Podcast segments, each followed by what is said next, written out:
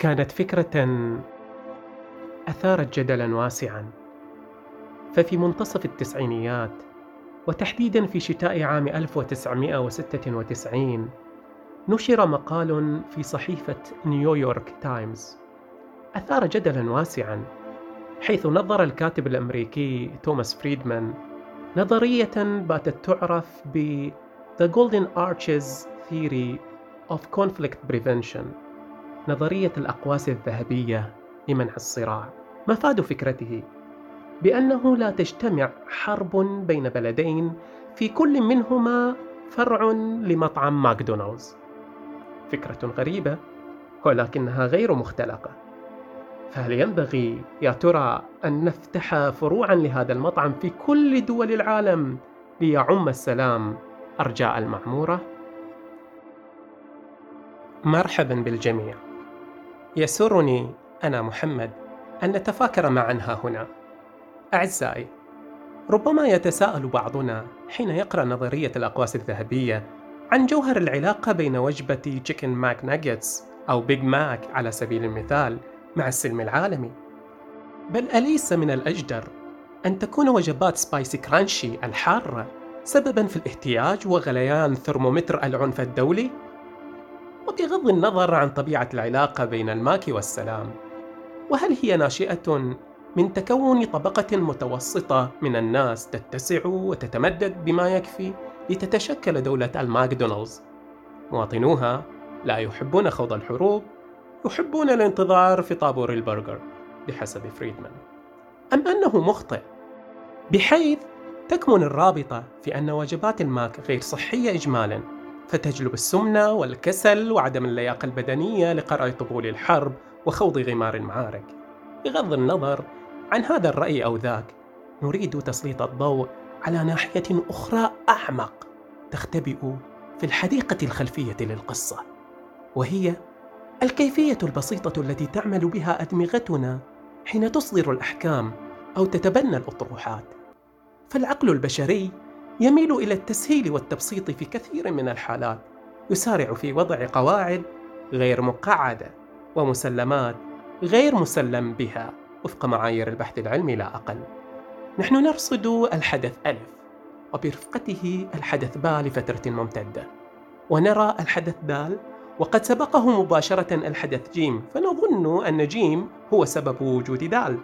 وألف متلازم أبدا مع باء. وتلك مصيدة عقلية أنا وأنت وأنت والعديد من البشر نقع في فخها. إذ لا نميز بين وجود علاقة ما بين شيئين وبين وجود علاقة سببية بينهما بحيث إذا غاب الأول انتفى الثاني. فاقتران حدثين له جاذبية تغري المراقب في التسرع بالحكم وإصدار الجزميات. هذا الفيروس جاء من الصين. الصينيون يأكلون الأفاعي الفيروس مصدره الأفاعي. قد يكون الأمر كذلك وقد لا يكون إذ إن الأفعى تؤكل في غير الصين كما أن في الصين أكلات أخرى نادرة كالخفاش. إذا النتائج ليست بالمشاهدات البسيطة وإنما بحاجة لتحليلات مختبرية دقيقة وشاملة. ولكن صدقوني المسألة لا تقف عند التنظيرات البريئة وغير المؤذية التي نديرها في الديوانيات والمجالس. وإنما قد تتطور وتساهم في خلق تنميط اجتماعي مضر بالسلم الأهلي. فتلك المنطقة توصم بالبخل أو الجبن أو التهور وأهل ذاك البلد هم سبب وقوعنا في مشكلة سين أو صاد. فقط لأن فردا أو مجموعة هم كذلك. عندها يسارع عقلنا للتعميم والتنميط وإلقاء اللائمة هنا وهناك. عقلنا يحب وضع الأشياء في قوالب وسلال وتصنيفات تسهل عليه التعامل مع كم المعلومات اليومية الهائلة. وعندها قد نغفل عن وجود استثناءات أو معطيات أخرى تم تجاهلها. فأن نرى جزء السبب لا يعني تعرفنا لكافة الأسباب بل ربما لا يكون سببا على الإطلاق وإنما علاقة طارئة. على كل أود أن نتذكر أنه في صيف 2008 اندلعت حرب بين روسيا وجورجيا ولسوء الحظ في كلا البلدين توجد مطاعم للماكدونالدز. إلا أن أقواسها الذهبية هذه المرة لم تمنع من نشوب الحرب وكما يقول الإخوة الإنجليز correlation doesn't imply causation. ووجود رابط لا يعني وجود سبب. والاقتصاد ليس وحده جوهر حركة البشر فالإنسان لم يتحول بعد لحيوان اقتصادي محض بحسب الناقدين لفريدمان. والذين قد حشدوا له نماذج سلبية يخدشون بها موجبته الكلية بينما يراها فريدمان بمثابة الاستثناء الذي يؤكد القاعدة. وبالمناسبة فإن الأخير قد رقى نظريته من الأقواس الذهبية لمنع الصراع إلى نظرية دل هذه المرة لمنع الصراع.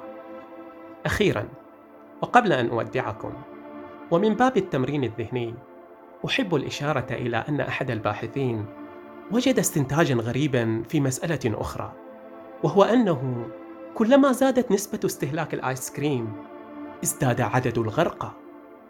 بينما أضاف آخر ويرتفع كذلك منسوب الجريمة. وأكد ثالث بأن عدد الحرائق يزداد أيضا. فهل علينا يا ترى أن نغلق مصانع الآيس كريم للحفاظ على الأرواح؟ حان دوركم في التفكير وإلى أن نلتقي ابقوا بخير يا أصدقاء.